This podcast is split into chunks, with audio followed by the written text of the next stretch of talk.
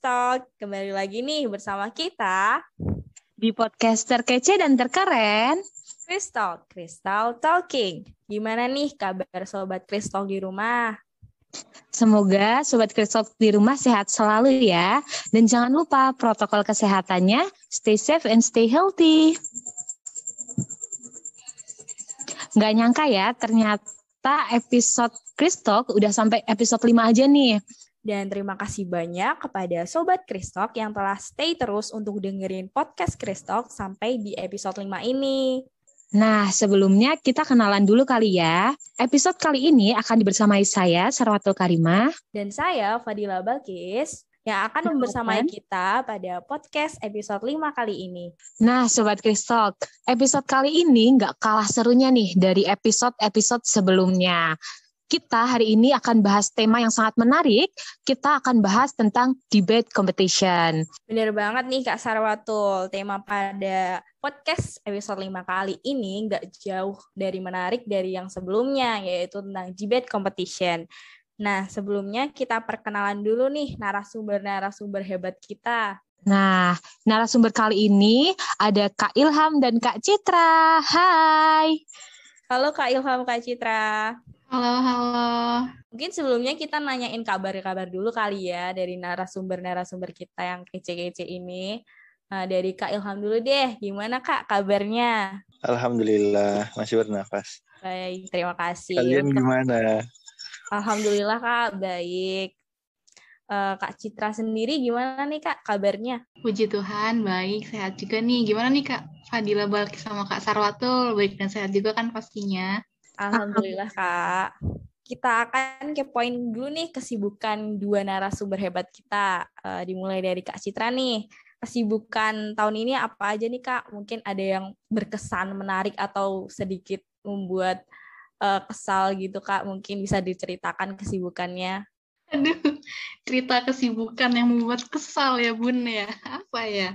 Kalau kesibukan tahun ini kan berhubung aku udah masuk semester 5 ya teman-teman. Jadi ya seperti anak-anak mahasiswa semester 5 pada umumnya ya kan. Mungkin ya mengerjakan tugas, mengerjakan kewajiban kuliah gitu kan. Terus ada juga ikut-ikut organisasi kayak gitu sih kalau dari aku. Kalau misalnya nih boleh cerita nih proker atau bukan proker sih kayak uh, apa ya event yang agak-agak membutuhkan membutuhkan energi itu adalah beberapa ya. Oke oke, mungkin bisa lanjut Kak Ilham dulu loh nih tanya kesibukan Kak Ilham nih. Oke, kesibukan.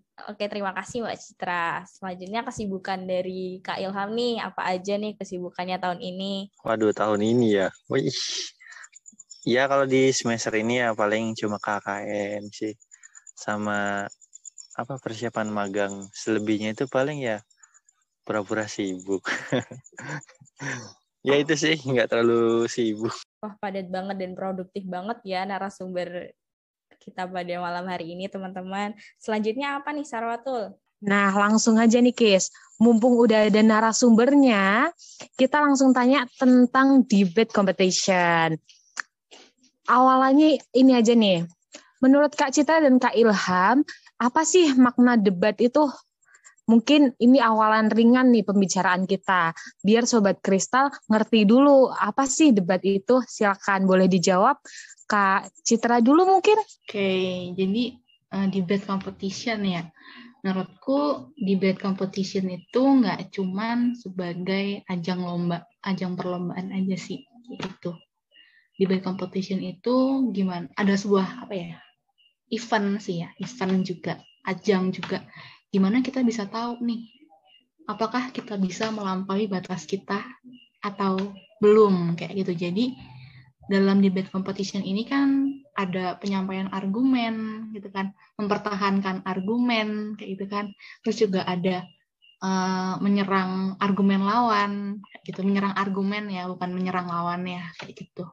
Jadi debate competition sih menurutku kayak udah campur banget sih udah udah apa sih kayak udah lengkap banget buat menambah pengalaman kayak gitu sih terutama di bidang public speaking kayak itu sih kalau dari aku jadi nggak cuma lomba aja ya cuma sekedar lomba menang itu enggak sih kalau menurutku gimana tuh kalau kalau dari Kak Ilham wah keren banget ya kalau dari Kak Ilham nih apa sih makna debate competition itu? Boleh banget dijawab. Silakan Kak. Oke, kalau tentang debat competition ya, uh, dari yang aku tahu sih tentang debat competition itu uh, itu berkaitan sama public speaking ya, di mana kita belajar untuk menyampaikan argumen. Bagaimana sih menyampaikan argumen yang baik, tapi di sini kita nggak menyampaikan argumen secara individu, tapi dalam bentuk tim. Nah, dalam tim itu kan ada pembicara satu, dua, dan tiga yang punya tugasnya masing-masing. Jadi kita belajar tuh gimana apa ya menyusun argumen yang baik, terus menyampaikannya. Itu sih kalau debat competition.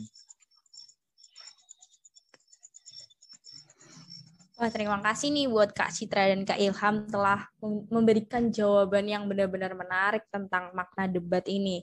Jadi ngomong-ngomong soal debat, debat competition ini ternyata nggak hanya perdebatan di antara dua manusia ternyata, tapi juga punya makna lain pada narasumber masing-masing narasumber. Contohnya nggak hanya sekedar lomba, tapi cara kita menakar diri kita sendiri, belajar tekun, kerja dalam tim, dan meningkatkan public speaking. Eh, lalu kita ada beberapa pertanyaan nih untuk Kak Citra dan Kak Ilham. Mungkin debaters dan juga um, Sobat Kristal pada penasaran nih tentang pertanyaan ini. Yaitu gimana sih cara menyampaikan argumen yang benar dalam perdebatan menurut Kak, Cir Kak Citra dan Kak Ilham? Mungkin dimulai dari Kak Ilham dulu deh. Gimana cara menyampaikan argumen yang benar dalam perdebatan menurut versi Kak Ilham? Silahkan Kak Ilham. Oke, okay, thank you. Uh, ini aku nyampein ini ya menurut aku pribadi. Jadi sebenarnya uh, ahli-ahli banget, cuma ya sekedar tahu sih yang pernah uh, berdasarkan pengalaman gitu ketika mengikuti debat competition. Nah, kalau dari aku sendiri itu gimana sih kiat-kiatnya yang baik dan benar uh, dalam menyampaikan argumen? Yang pertama menurutku itu membangun argumen. Jadi tentunya kan kalau kita ingin menyampaikan pendapat nggak sekedar ngomong gitu, kita harus tahu alurnya seperti apa. Uh, yang kedua kita harus memberikan bukti gitu. Nah, yang paling penting itu Baik, kita akan buka Kristok episode episode kita mulai ya, Mbak. Baik, ya, kita ya. Okay. Baik, kita akan mulai Kristok episode 5 kali ini dengan pertanyaan pembukaan untuk kedua narasumber kita yaitu bagaimana cara menyampaikan argumen yang benar dalam perdebatan. Jadi bagaimana cara Kak Ilham dan juga Kak Citra menyampaikan argumen yang benar dalam perdebatan ini. Mungkin bisa dimulai dari Kak Ilham terlebih dahulu. Eh, sebelumnya saya akan memperkenalkan narasumber kita, narasumber pertama kita yaitu Kak Ilham Saputra selaku Ketua UKMF Penelitian Kristal. Silakan Kak Ilham.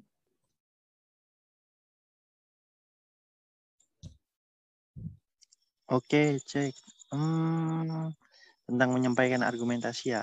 Oke, jadi aku ingin tak sharing aja sih terkait pengalaman aja ya. Di sini aku bukan ahlinya gitu.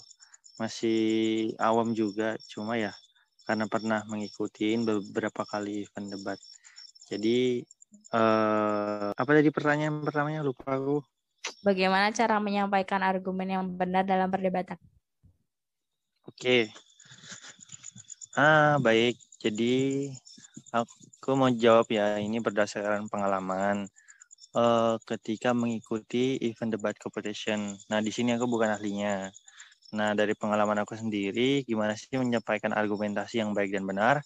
Nah, yang pertama, menurut aku pribadi yaitu membangun argumentasi, di mana membangun argumentasi itu uh, agar kita tahu gitu apa yang ingin kita sampaikan uh, ketika menyampaikan argumen di depan forum atau nanti ketika ada lawan. Yang kedua itu adalah bukti atau data. Nah, itu sebagai penguat uh, adanya kebenaran. Jangan kita cuma menyampaikan hanya sekedar sebatas apa opini atau opini belaka. Nah, itu kan kayak uh, kurang ini kurang ya bisa cuma kurang bagus. Nah, kalau untuk yang ketiga itu penempatan intonasi. Nah, penempatan intonasi itu juga penting gitu biarpun argumentasinya kita udah penyusunannya bagus, tapi cara penyampaiannya kita untuk nada tinggi atau rendahnya di mana penekanannya itu diperlukan karena itu biar tahu poin-poin yang bagusnya yang mana. Terus menggunakan bahasa yang sopan. Nah, bahasa ini penting banget gitu loh.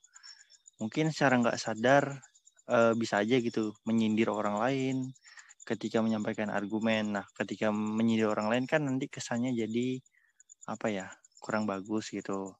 Terus yang paling penting itu jangan ragu sama argumen pribadi, uh, uh, apalagi sama tim ketika debat competition. Nah, jangan ragu dalam artian ketika saling beradu argumentasi, mau nggak mau kita harus tetap apa ya berdiri gitu di posisi misalnya kita di tim pro atau di tim kontra mau nggak mau kita harus tetap berpegang teguh gitu. Jangan sampai kita ragu sama argumen yang kita pegang.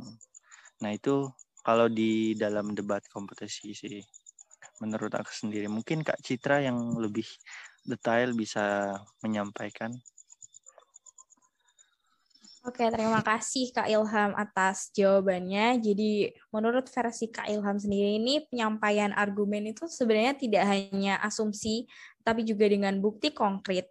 Dan juga tadi Kak Ilham menyebutkan bahwa dengan penekan dengan penekanan pada poin-poin argumen itu sebenarnya dapat menyampaikan argumen dengan lebih baik dan juga uh, percaya diri terhadap argumen sendiri. Wah, terima kasih Kak Ilham. Ini jawaban yang menarik sekali. Nah, selanjutnya uh, kita tunggu nih jawaban dari Kak Citra. Sebelumnya Kak Citra ini adalah salah satu staf di Departemen Formasi UKMK UKMF Penelitian Kristal. Uh, menurut Kak Citra sendiri bagaimana nih dengan pertanyaan pertama kita mengenai cara penyampaian argumen yang benar dalam perdebatan? Silahkan Kak Citra. Oke, makasih Kak Fadila Balkis nih atas pertanyaannya. Jadi sebelum aku masuk ke jawabanku, jawaban versiku terkait pertanyaan ini aku juga benar-benar setuju banget sama yang apa tadi yang dikatakan sama Kak Ilham terkait dengan kita sebagai debaters itu harus tegas, harus tegas percaya diri untuk berargumen kayak gitu. Terus intonasi tinggi rendahnya nada bukan nada sih ya intonasi ya kayak gitu. Itu tuh bener-bener mempengaruhi banget sih kayak gitu. Jadi ibarat nih kalau udah di udah di pertandingan debat gitu ya misal kita lagi ada di posisi pro ya udah kita kita selaku tim dari satu debat tim debat itu harus benar-benar membela mati-matian terkait mosinya terkait mosi di posisi kita kayak gitu loh. Jadi mau tim lawan ngomong dan berpendapat seperti apa kita harus benar-benar membela mati-matian bahwa pendapat kita ini benar gitu loh. Kayak gitu ya. Jadi benar sih yang dibicarain sama Kak Ilham kayak gitu. Oke jadi buat disclaimer juga teman-teman aku sebenarnya juga masih harus banyak belajar baik untuk sistem pertandingan debat ini maupun untuk public speaking ya teman-teman ya. Jadi di sini aku sharing aja pengalaman aku waktu kemarin aku lomba debat kayak gitu. Jadi siapa tahu pengalaman aku ini bisa berguna nih buat teman-teman sobat Kristok yang mendengarkan kayak gitu. Jadi kita sama-sama belajar aja ya kayak gitu teman-teman. Oke. Jadi di sini aku akan mulai masuk ke uh, jawaban versi aku nih kayak gitu. Jadi tadi pertanyaannya adalah bagaimana cara menyampaikan argumen yang benar. Nah, di sini perlu ditekankan teman-teman ya, argumen yang benar. Jadi sebenarnya ada argumen yang benar, ada argumen yang baik dan ada argumen yang baik dan benar. Itu beda ya teman-teman ya. Jadi argumen yang benar itu belum tentu argumen yang baik, argumen yang baik itu belum tentu argumen yang benar kayak gitu. Jadi di sini mungkin aku akan uh, melengkapi jawaban dari Kak Ilham nih terkait argumen yang benar kayak gitu ya. Jadi uh, kalau jawaban versi aku sih bagaimana sih caranya kayak gitu lah. Jadi caranya nih disesuaikan lagi dengan posisi dari teman-teman nih misal teman-teman lagi ada di satu tim debat nih kan kayak gitu posisinya itu bisa dari posisi pembicara satu dua dan tiga baik bicara satu dua dan tiga ataupun posisi pro dan kontranya kayak jadi disesuaikan kayak gitu jadi argumen yang benar menyesuaikan eh disesuaikan lah pokoknya lah gitu ya oke jadi kalau secara umum sih argumen yang benar itu menyampaikan argumen yang benar itu diawali perkenalan diri gitu. Misal kayak ya kenalin nama kayak gitu. Sama kenalin pembicara berapa kayak gitu. Terus posisi keberadaan timnya timnya pro atau timnya kontra kayak gitu. Baru setelah itu menyampaikan argumen. Jadi nggak ujuk-ujuk teman-teman langsung argumen kayak gitu. Jadi kan juri juga bingung ini yang ngomong siapa? Pembicara berapa? Kayak gitu sih. Paling ya menyampaikan argumen yang benar kayak gitu ya. Oke coba kita masuk ke contoh pembicara satu nih ya. Kalau pembicara satu itu pembicara satu dari tim pro itu harus diawali dengan pendefinisian pendefinisian mosi dan pembatasan mosi kayak gitu. Maksudnya gimana? Maksudnya itu biar si mosi ini jelas karena sudah terdefinisikan dan pembahasan dari debatnya itu nggak meluas ke mana-mana. Jadi perlu didefinisikan dan perlu di dibatasi oleh pembicara satu tim pro kayak gitu. Jadi hak ini, hak untuk mendefinisikan dan membatasi emosi ini cuma dimiliki oleh pembicara satu tim pro. Nah, pembicara satu tim kontra ini beda lagi nih kayak gitu. Pembicara satu tim kontra ini uh, hanya menyanggah sih ya, menyanggah argumen yang telah disampaikan oleh pembicara satu tim pro kayak gitu pembicara kontranya. Jadi pembicara kontranya ibarat tuh kayak ngikut aja sih kalau kita jadi tim kontra gitu ya. Kita ngikut aja tentang definisi yang telah di dibatasi gitu oleh tim pro-nya kayak gitu. Jadi nggak bisa nanti misal tim kontranya tim kontranya keluar dari dari pembatasan mosi langsung dicecer nanti langsung diserang sama pembicara tim pro-nya nanti kan itu udah ah udah bahaya itu ibarat kayak gitu. Jadi kita emang bener-bener harus dengerin banget sih ya dengerin banget uh, setiap pembicara tuh ngomong apa kayak gitu kalau aku pribadi kemarin pengalaman itu tuh kayak gini sih. Aku dengerin mereka ngomong apa dan cari kesalahan kayak itu jadi kayak kayak jahat banget gak sih? Kayak cari kesalahan orang gitu kan. Tapi ya emang itu adanya gitu kan. Kita cari kesalahan mereka apa kayak gitu. Terus kalau udah nemu kesalahannya baru kita cari uh, kita cari kita serang itunya bukan serang orang ya kayak kita cari aja kita kayak menyanggah gitu loh. Kayak gitu sih kalau menurutku. Itu pembicara satu ya teman-teman ya. Nah kalau kita coba lanjut nih ke pembicara duanya. Jadi pembicara dua ini baik tim pro sama kontra ini sebenarnya sama aja sih intinya.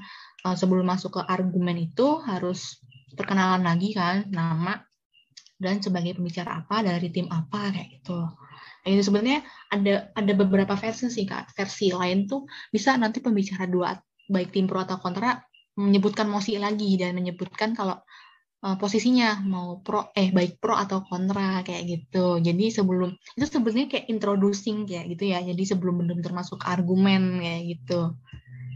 Oke, tadi udah ya intinya menyanggah dulu ya, menyanggah kalau tim pembicara dua dari tim pro atau kontra itu menyanggah dulu nih argumen lawan sebelumnya kayak gitu loh. Nah, e, menyanggah juga ini nggak asal menyanggah teman-teman ya. Jadi kita harus punya data yang real nih. Kita punya fakta yang real. Kalau misalnya pembicara sebelumnya itu berkata salah kayak gitu. Jadi kita kalau misalnya kita menyanggah tapi dengan pendapat sama aja. Menyanggah kita nggak nggak ada gunanya kayak gitu loh. Itu jadi bener banget yang apa dikatakan Kak Ilham tadi data itu dan fakta itu sangat diperlukan. Jadi nggak cuma opini semata teman-teman ya kayak gitu. Karena kita uh, debat ini kan ilmiah ya nggak cuma debat debat apa debat kusir kayak gitu. Bedanya di situ sih kayak gitu Nah, biasanya kalau di pembicara dua ini ya tergantung juga sih, tergantung sistem debatnya gimana. Kalau misalnya ada beberapa sistem debat yang memperbolehkan adanya interupsi. Nah, biasanya ini juga tergantung ini ya, tergantung sistem debatnya ya, teman-teman ya. Biasanya interupsi itu diperbolehkan untuk pembicara kedua gitu. Nah, sebenarnya interupsi ini uh, cuma poin plus ya teman-teman ya kalau misalnya teman ini nggak wajib juga sih untuk interupsi. Uh, kalau menurutku pribadi fungsi dan gunanya interupsi ini untuk memecah konsentrasi lawan kayak gitu. Kalau lawannya udah terpecah konsentrasinya, nah itu uh, kesempatan kita nih untuk untuk mengudara kayak gitulah ya kayak itu sih. Jadi sebenarnya interupsi itu nggak wajib-wajib banget, cuman ya kalau bisa kesempatan ada kesempatan ya kenapa enggak kayak gitu kan gitu. Jadi serak saya nih ya.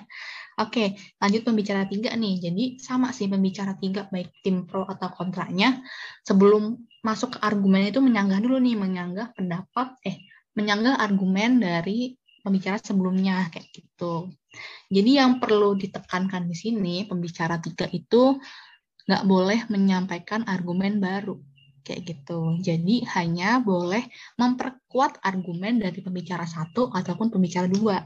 Ya gitu. Beda ya. Jadi mungkin kalau untuk juri dan untuk tim yang benar-benar kritis ya itu akan di nanti akan di ini akan di apa namanya disanggah gitu kan. Misal tahu-tahu pembicara tiga menyampaikan argumen baru nih. Nah itu kan udah udah beda lagi tuh ceritanya. Nanti mungkin entah itu jurinya mengurangi poin lah atau mungkin nanti di disanggah sama ininya tim lawan. Kayak gitu sih kalau menurutku kak.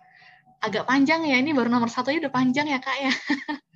Kalau aku dari itu aku untuk pertanyaan nomor satu itu aja sih kak. Makasih loh ini agak panjang. Nih baik terima kasih loh untuk kak Citra telah menjawab pertanyaan pertama dari Crystal Talking episode 5 kali ini. Jadi banyak banget yang kita dapetin ilmunya dari jawaban Kak Citra. Yang pertama itu tentang kita tuh sebagai debaters harus konsisten untuk memperkuat argumen, terus juga diberikan sama Kak Citra tips-tips menyanggah dengan data yang kuat dan juga uh, tugas dari masing-masing pembicara dalam perdebatan. Bagus banget Kak Citra ini jawabannya sangat bermanfaat bagi para debaters yang baru maupun yang udah lama nih Kak. Terima kasih banyak. Kita lanjut nih ke pertanyaan yang kedua.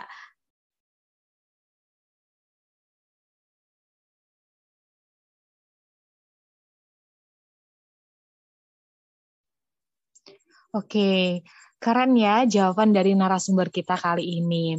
Nah, Sobat Kristok, tadi uh, aja kita udah dapat banyak ilmu nih mengenai tips, trik, bahkan ternyata ada aturan-aturannya juga dalam berargumen di debate competition. Next, kita masih ada pertanyaan yang lebih menarik, yang pastinya Sobat Kristok di rumah juga udah penasaran nih, apa sih uh, jawaban nih? Nah, kalau pas debat nih, biasanya kita itu kadang uh, rubuh pertahanan argumen kita saat melihat, oh ternyata tim lawan ini kok argumennya lebih meyakinkan. Nah, kira-kira menurut Kak Ilham dan Kak Citra, gimana sih cara mempertahankan argumen kita dalam debate competition? Boleh dijawab oleh Kak Ilham, silakan Kak Ilham. Oke, wah, wah ini ya uh, tentang gimana sih? Hmm, apa tadi pertanyaan aku lupa. Iya, gimana sih cara mempertahankan argumen kita gitu? Oke, cara mempertahankan argumen ya ketika uh, berdebat di debat competition. Nah, ada hal satu nih sebelum masuk ke sana yang paling penting, yang paling mendasar adalah memahami tugas dari masing-masing pembicara. Kenapa? Karena ini kita nggak sendiri gitu. Kan ada tiga tuh. Ada pembicara satu pembicara dua dan pembicara tiga. Nah sedikit apa sedikit gambaran aja sih. Kalau pembicara pertama itu biasanya dia uh, menyampaikan terkait latar belakang dari mosi terus tujuan goals yang ingin dicapai uh, dari mosi. Ketika dia memihak pro atau kontra terus memberikan definisi dan limitasi serta justifikasi itu untuk gambaran yang pembicara pertama terus ada pembicara kedua. Nah untuk pembicara kedua itu biasanya lebih mengelaborasikan dari apa yang telah disampaikan oleh pembicara kedua uh, karena lebih kayak lebih menguatkan lagi gitu uh, terkait misalnya ada beberapa argumen yang telah disampaikan oleh pembicara pertama dia akan menguatkan dengan data-data terus memberikan argumen uh, Selain itu juga memberikan bidasan uh, pada tahap awal ketika ingin berbicara. Uh, terus ada pembicara ketiga. Nah, ini merupakan seorang yang improve gitu. Yang bisa dikatakan jadi salah satu kunci terpenting gitu di antara ketiga tim. Karena jangan sampai melakukan kesalahan di apa di pembicara ketiga. Kesalahannya mungkin rada kecil ya ketika menyampaikan argumen, tapi bisa berdampak besar gitu pembicara ketiga untuk menjadi penguat dari uh, ketiga eh dari ketiga dari kedua pembicara sebelumnya. Nah, setelah mengetahui tugas masing-masing pembicara lah barulah kita masuk bagaimana tuh uh, mempertahankan argumentasi. Nah, yang pasti pertama kita melakukan analisis. Analisisnya apa? Uh, misalnya ada sebuah mosi. Nah, biasa kan debat itu ada mosi. Mosinya tentang apa? Jadi nanti dianalisis secara mendalam, secara bersama-sama Uh, nah biasanya itu untuk analisisnya menggunakan teknik apa yang namanya kalau nggak salah itu arel gitu. Uh, jadi ada assertion, reason, evidence sama Lindbeck. Nah nanti setelah dianalisis menggunakan teknik itu baru nanti uh, melakukan pembagian tugas masing-masing pembicara satu kamu bagiannya ini pembicara kedua ini dan pembicara ketiga nah jadi ketika sudah sama-sama mendapatkan bagian yang jelas, terus sudah menganalisis mosi dengan baik. Uh, insya Allah nanti ketika menyam, ketika ingin melaksanakan debat competition, entah dia berada di pihak pro atau kontra dan ketika dia merasa wah ini tem apa mosinya kayak berat sebelah, wah mosinya hmm, aman lah gitu. Nah, insya Allah kalau semisal pembagiannya udah jelas, uh, bisa apa ya bisa merasa aman lah setidaknya gitu itu sih kalau dari mungkin dari Kak Citra Oke, boleh nih ditambahin sama Kak Citra. Silakan Kak Citra. Oke, bener banget nih teman-teman nih.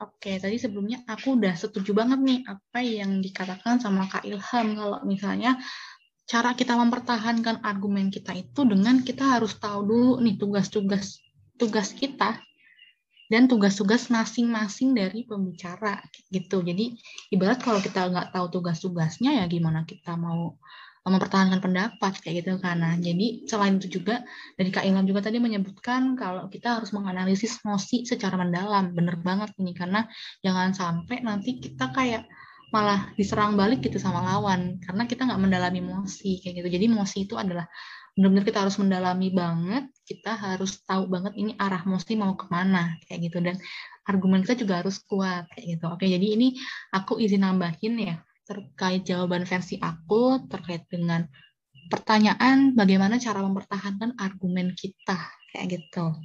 Kalau menurutku caranya, menurutku ya caranya itu adalah kita nggak boleh omong kosong kayak gitu. Tahu lah ya omong kosong gimana ya. Jadi maksudnya omong kosong itu uh, pendapat aja, opini aja kayak gitu. Itu uh, benar-benar sangat dihindari teman-teman. Sangat dihindari kalau kita berargumen kayak gitu. Nanti malah gampang gampang banget lawannya malah ini malah nyanggah kita kayak gitu. Kan nanti tahu-tahu argumen kita udah roboh nih kan kayak gitu. Oke jadi bener banget tadi apa yang dikatakan sama Kak Ilham bahwasanya kita dalam berargumen itu harus ada dasarnya kayak gitu. Kita kan bertanding di pertandingan debat ilmiah gitu kan. Jadi kita nggak boleh sama sekali untuk hanya opini saja tanpa ada dasar kayak gitu jadi intinya teman-teman ini berbekal dasarnya itu bekalnya bisa teori lah atau data yang sesuai fakta kayak gitu. Jadi mungkin datanya juga data yang benar-benar ini ya. Sumber-sumbernya juga sih harus ditekankan juga nih. Jangan sampai uh, ngambil data dari sumber yang nggak kredibel kayak gitu kan. Itu juga jadi bisa kemungkinan nanti disanggah sama lawan kayak gitu udah sih paling itu aja sih kalau dari aku. Intinya kita nggak boleh kita nggak boleh apa namanya nggak boleh opini aja gitu loh kita harus benar-benar ada dasarnya kita ngomong ada dasarnya gitu kan. Kalau misalnya menurutku sih itu udah cukup banget untuk mempertahankan argumen. Tinggal gimana kitanya aja untuk menyampaikan kayak gitu kan. Jadi intinya kan kita berargumen itu pasti kita mikir dong. Kita mikir nih gimana uh, kita dasarnya apa, kita mau ngomong apa pasti kita mikir kan di otak dulu tuh, berproses di otak dulu kan. Nah, itu cara yang paling penting gimana cara teman-teman untuk menyampaikan supaya juri yakin nih kalau um, argumen yang tepat itu adalah argumen yang ada di posisi teman-teman, bukan dari tim lawan. Itu sih yang harus diperhatiin. Jadi gimana caranya supaya juri nih ngeh, oh bener juga nih argumennya, kayak gitulah ya. Karena kan kita kita itu berlomba itu nggak cuman memenangkan ronde atau sesi aja, kita juga harus memenangkan hati jawan juri kayak gitu. Jadi ya kita harus benar-benar uh, bahasanya, terutama ya bahasanya uh, yang baku tapi simple, nggak berbelit-belit nanti supaya jurinya juga paham ini maksud kita seperti apa kan bisa misalnya kita lagi kita udah pikiran kita udah merancang bagus banget nih untuk argumentasi ini. Cuman kan kita ngomongnya susah kayak gitu kan. Biasanya kan apalagi di depan jawan juri terus di depan lawan juga kan kayak gitu sih. Itu yang paling harus apa namanya diperhatikan juga. Sering-sering latihan aja sering-sering latihan kayak gitu. Kalau dulu aku pengalaman aku itu aku sering sih latihan kayak gini sama orang aja kayak misal teman temanku sendiri itu kan pura-pura jadi lawan kayak gitu dan pura-pura nyerang kayak gitulah pokoknya ya jadi biar kita juga agak siap lah ya kita memiliki kesiapan kayak gitu loh ya.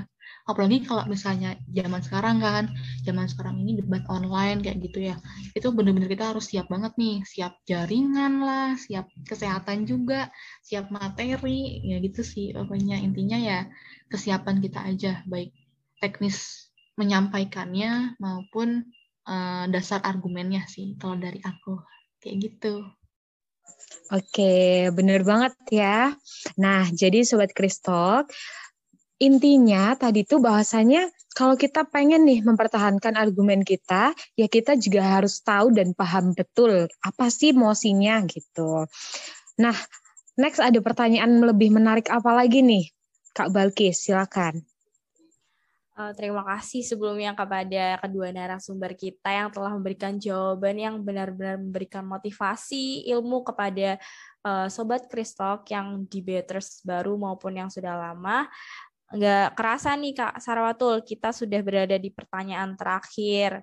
Sobat Kristal jangan sedih ya karena masih ada next episode dari podcast Kristal. Ditunggu yang selanjutnya. Baik memasuki pertanyaan terakhir nih berkaitan dengan benefit dan dampak yang didapatkan dari mengikuti debat competition. Jadi eh, menurut Kak Ilham dan Kak Citra, apa aja nih benefit dan dampak yang didapatkan dari mengikuti debat competition? Mungkin dari Kak Citra terlebih dahulu. Oke, aku lagi nih ya. Oke, oke. Jadi tadi pertanyaan pertanyaannya terkait benefit dan dampak ya berarti ya. Oke, jadi ini adalah benefit versi aku kalau aku mengikuti debate competition gitu. Jadi menurutku di sini ada enam benefit yang benar-benar berdampak langsung bagi diriku sendiri gitu ya. Jadi nggak sebenarnya banyak sih benefitnya selain selain enam poin ini yang akan aku sampaikan, tapi uh, menurutku yang enam poin ini adalah benar-benar yang paling langsung kena gitu lah ya. Oke, jadi kita masuk ke poin pertama dulu nih. Jadi menurut aku benefit yang kita dapatkan melalui mengikuti competition nih kayak gitu. Jadi poin ke satu, kedua, ketiga ini sebenarnya competition mana pun ya, nggak cuma competition debat kayak gitu. Jadi yang pertama itu adalah pengalaman kayak gitu. Kenapa? Kenapa aku masukin pengalaman dalam bentuk benefit kayak gitu nih ya karena pengalaman ini emang unik teman-teman unik banget kayak itu seunik itu ya jadi pengalaman itu nggak akan sama bagi setiap anggota tim. Apalagi ini tim ini ya debat gitu kan ada tiga orang gitu kan. Misal dalam satu tim ini kan mengikuti event yang sama mengikuti lomba yang sama tapi belum tentu pengalamannya sama. Pasti pengalamannya beda-beda. Jadi itu bener-bener apa ya kayak benefit banget sih bagi aku sendiri. Karena jujur jujur aku dari pengalaman itu aku bisa banyak belajar kayak gitu loh banyak belajar buat mengembangkan diriku lagi buat introspeksi diri aku kurangnya di mana kayak gitu kekuatanku di mana kayak gitu sih terus ya intinya kalau pengalaman itu sih apa ya kita dapat pengalaman nih, kita dapat pengalaman yang pasti nggak akan sama persis kayak pengalaman orang lain. Nah, gunanya apa sih kita dapat pengalaman tuh? Rasanya dapat pengalaman, ya udah gitu doang, nggak gitu kalau menurut aku sih ya. Jadi dengan pengalaman ini kita bisa sharing, kita bisa sharing ke teman-teman yang lain. Kayak gitu loh. Misal, oh aku pernah ikut debat nih. Nah, waktu itu aku tuh salah ngomong loh. Aku tuh lidahnya kepleset loh. Aku tuh waktu itu lupa mau ngomong apa ya gitu terus mungkin bisa juga misal kayak aku tuh dulu waktu ikut debat tuh sampai nangis nah itu kan pengalaman nah itu pengalaman buatku pengalaman, pengalaman itu sih yang paling unik ya kayak gitu. Jadi teman-teman juga pasti pernah denger kan experience is the best teacher kayak gitu kan. Nah jadi pengalaman ini bisa buat jadi pembelajaran nih baik jadi teman-teman orang lain juga bisa belajar dari pengalaman teman-teman kayak gitu. Oke, jadi yang pertama pengalamannya. Yang kedua ini kita benefit dari ikut debat kompetisi ini kita jadi tahu limit atau batas kita sampai mana. Maksudnya gimana sih kak? Gitu kan.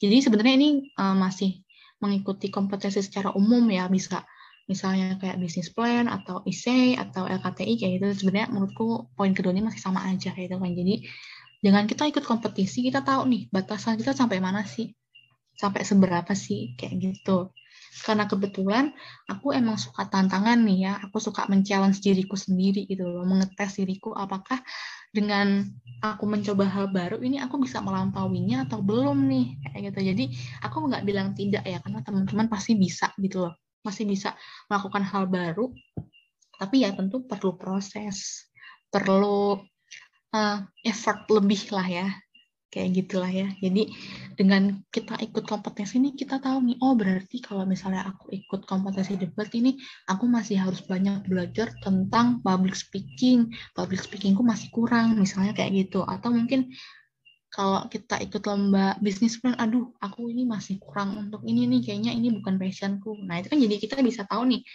kayak apa ya, kayak uh, fokus kita mau ke mana kayak gitu. Jadi mengikuti lomba debat kayak gitu sih kalau menurutku.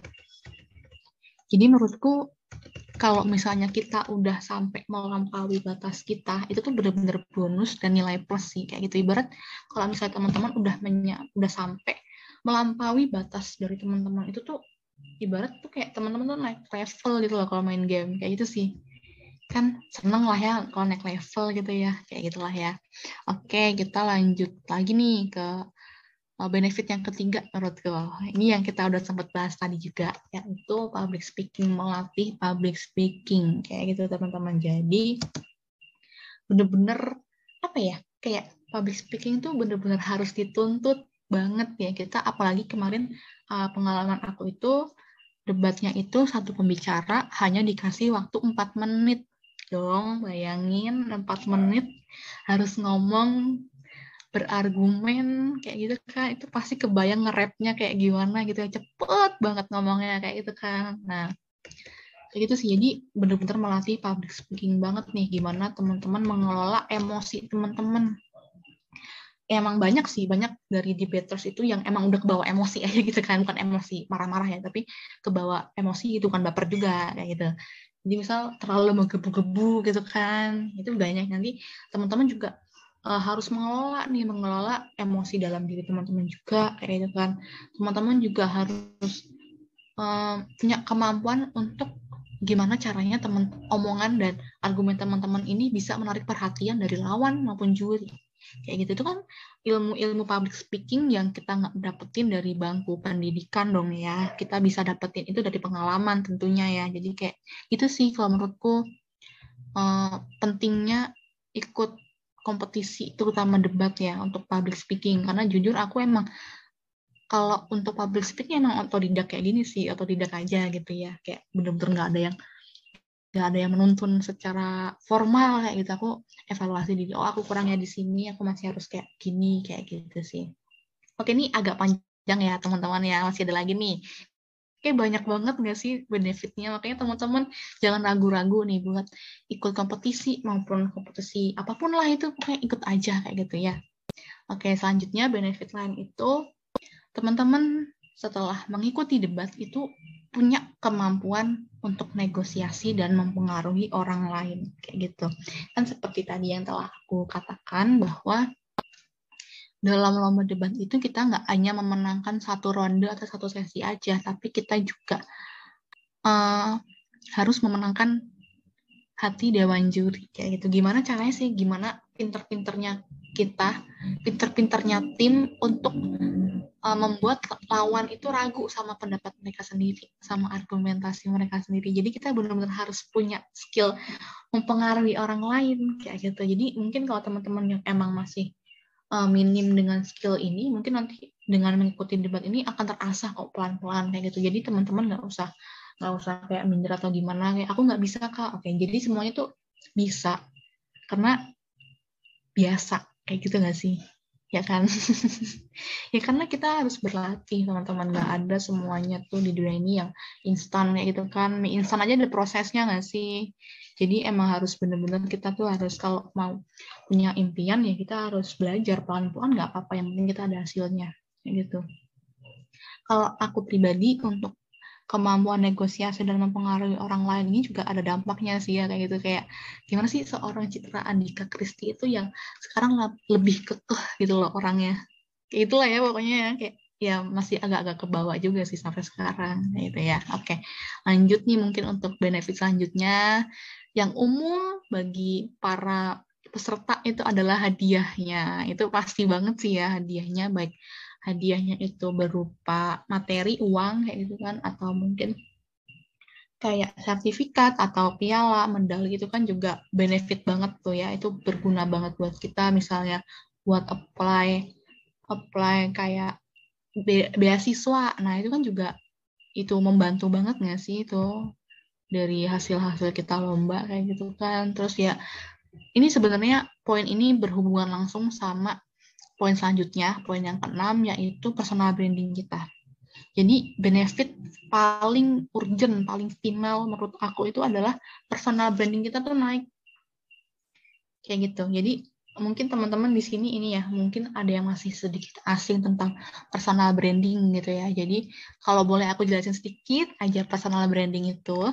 Jadi kayak personal branding itu gimana sih orang lain menilai teman-teman saat teman-teman itu nggak ada gitu maksudnya nggak ada di tempat itu misal kayak adalah satu misal ya misal ada di kelas gitu kan terus nanti teman-teman mungkin uh, pergi ke kantin nah terus nanti kan pasti teman-teman yang di kelas tuh ngomong gitu oh Citra tuh orangnya kayak gini. Nah itu artinya personal brandingnya Citra kayak gitu teman-teman. Jadi menurutku ini emang udah kerasa banget sih ya udah kerasa banget dari aku ikut uh, lomba debat itu emang kerasa sih kayak personal branding itu kayak naik gitu loh.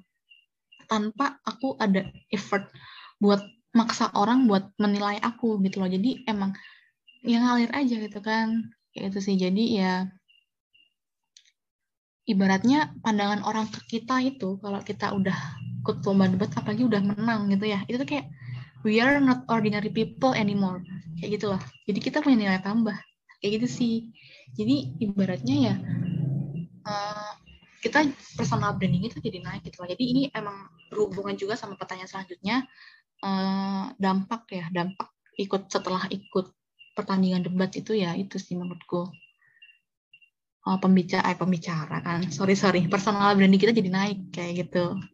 Jadi kalau menurutku kan ada perbedaan nih mungkin teman-teman kalau ada yang udah concern sama personal branding itu ada perbedaan antara personal branding dengan pencitraan kayak gitu. Jadi kalau pencitraan itu ibarat kita kayak maksa banget gitu loh. Kita maksa banget buat dikenal, kita maksa banget buat nge-brand kita sendiri. Padahal kan aslinya kan personal branding itu dari orang lain, bukan dari kita sendiri. Kayak gitu. Kalau personal branding itu intinya kita apa adanya. Misalnya kita punya karya ya udah ini kan karya aku gitu kan. Ini hasil pencapaian aku kayak gitu. Nah itu apa adanya pokoknya itu personal branding. Kalau misalnya pencitraan kan kayak maksain banget buat dikenal maksain banget. Jadi kayak misal udah menang nih udah menang gitu kan. Ya aku menang aku menang lalala itu kan jatuhnya kan pencitraan kayak gitu kan. Tapi kalau menurutku nggak perlu sih kalau teman-teman misalnya udah menang kejuaraan apa pun tuh nggak perlu nggak perlu diumbar-umbar gitu kan. Tapi nggak bukan berarti um, posting di IG tuh salah bukan juga. Cuman nggak perlu lah semua orang tahu kalau teman-teman tuh juara. Nanti juga akan tahu sendiri kan kayak gitu. Jadi ibaratnya kayak cerita pencitraan itu juga agak gimana ya kalau itu agak negatif sih konteksnya. Cuman uh, dampaknya itu kan nanti kalau teman-teman ikut lomba apalagi menang kan itu juga jadi mengubah personal branding teman-teman nih kayak gitu sih aku juga ini nih aku uh, mohon izin untuk mengutip salah satu quotes dari salah satu seorang ahli hukum kayak gitu ya. yang pernah aku lihat waktu webinar kayak gitu. Beliau mengatakan bahwa kalau kita mau jadi pembicara yang baik, kita harus terlebih dahulu jadi pendengar yang baik. Kenapa aku sampaikan ini di sesi debaters? Karena ya tadi. Kita seorang debaters itu harus benar-benar jeli mendengarkan apa yang argumen lawan. Itu jangan sampai pikiran kita kosong saat mereka ngomong. Nanti juga jadi akan jadi apa ya jadi bahan serangan juga sih buat lawan. Kayak gitu sih teman-teman. Jadi banyak banget benefit ya intinya semangat aja sih buat teman-teman yang baru mau mulai nih yang nyubi jangan takut teman-teman kayak gitu. Semisal teman-teman gagal ya anggap aja itu sebagai awal lah ya kan. Mana mungkin sih awal orang-orang awal-awal nyoba langsung berhasil langsung sukses ya kan perlu proses dulu kan kayak gitu. Jadi jangan takut buat nyoba jangan takut lah buat ibaratnya kayak uh, merasakan sakit duluan kayak gitu sih. Karena kalau misalnya kalian udah sakit-sakitnya di awal nanti kalau kalian udah dapet juara kan kalian cuma tinggal kalau kalian nengok ke belakang kalian cuma tinggal ketawa lah. Ya ampun dulu aku merasa sakit ini kayak gitu sih. Ini malah jadi curhat ya kak ya. Oke lah udah lah ya. Dari aku udah cukup itu sih. Mungkin nih dari kak Ilham nih gimana nih ya? Oke, terima kasih banyak nih Kak Citra. Kita dapetin banyak hal dari jawaban Kak Citra ini berkaitan dengan benefit dan juga dampak setelah mengikuti debat competition. Jadi, Sobat Kristal jangan malu-malu dan takut nih untuk memulai mengikuti debat competition. Nah, selanjutnya kita mau dengar nih jawaban dari Kak Ilham mengenai pertanyaan uh, benefit dan dampak yang dirasakan setelah mengikuti debat competition. Silahkan Kak Ilham. Wah, kalau aku sendiri ya terkait benefitnya, uh, jadi kalau sekarang kan ini daring gitu. Nah, pengalaman aku waktu offline pastinya pertama bisa dapat teman baru ya, relasi yang tentunya itu beda kampus. Terus yang kedua itu bisa jalan-jalan. itu pasti sih soalnya kan kita ke mana ke kampus tujuan gitu di mana nanti tempat debatnya misalnya nanti di uh, eh, UI pastinya kita akan berangkat ke sana gitu ke kampusnya.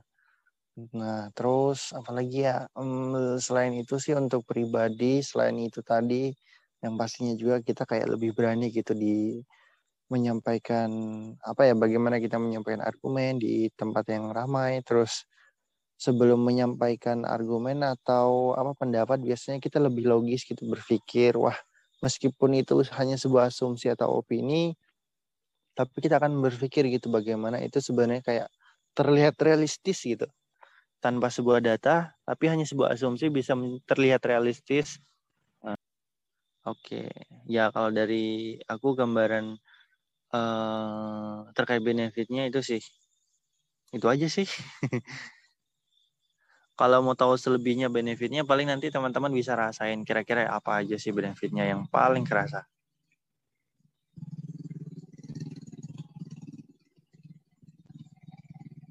oke okay.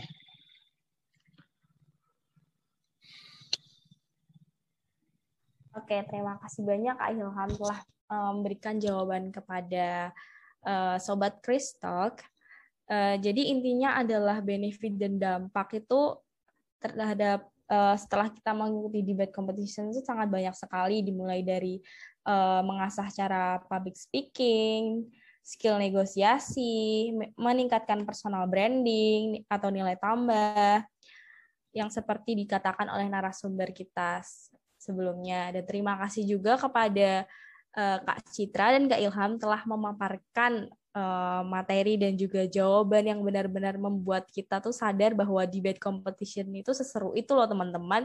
Jadi jangan ragu buat nyoba mengikuti debate competition walaupun uh, mungkin di awalnya gagal, namun kita tahu bahwa setelah kegagalan pasti ada keberhasilan. Nah, nggak nggak kerasa nih kita sudah sampai di penghujung acara yaitu uh, penghujung acara Chris Talk episode 5. Gimana nih Kak Sarwatul? Iya, bener banget Kak Balkis. Keren banget ya episode kali ini. Ternyata setelah bincang-bincang panjang tadi, kita dapat ilmu, kita dapat motivasi, dan sharing-sharing yang bermanfaat, yang pastinya Sobat Kristok di rumah langsung ke motivasi gitu ya, untuk ikut debate competition, nggak ragu-ragu lagi nih. Mungkin sampai di sini dulu pembahasan kita tentang debate competition, dan jangan lupa nantikan episode-episode keren selanjutnya. So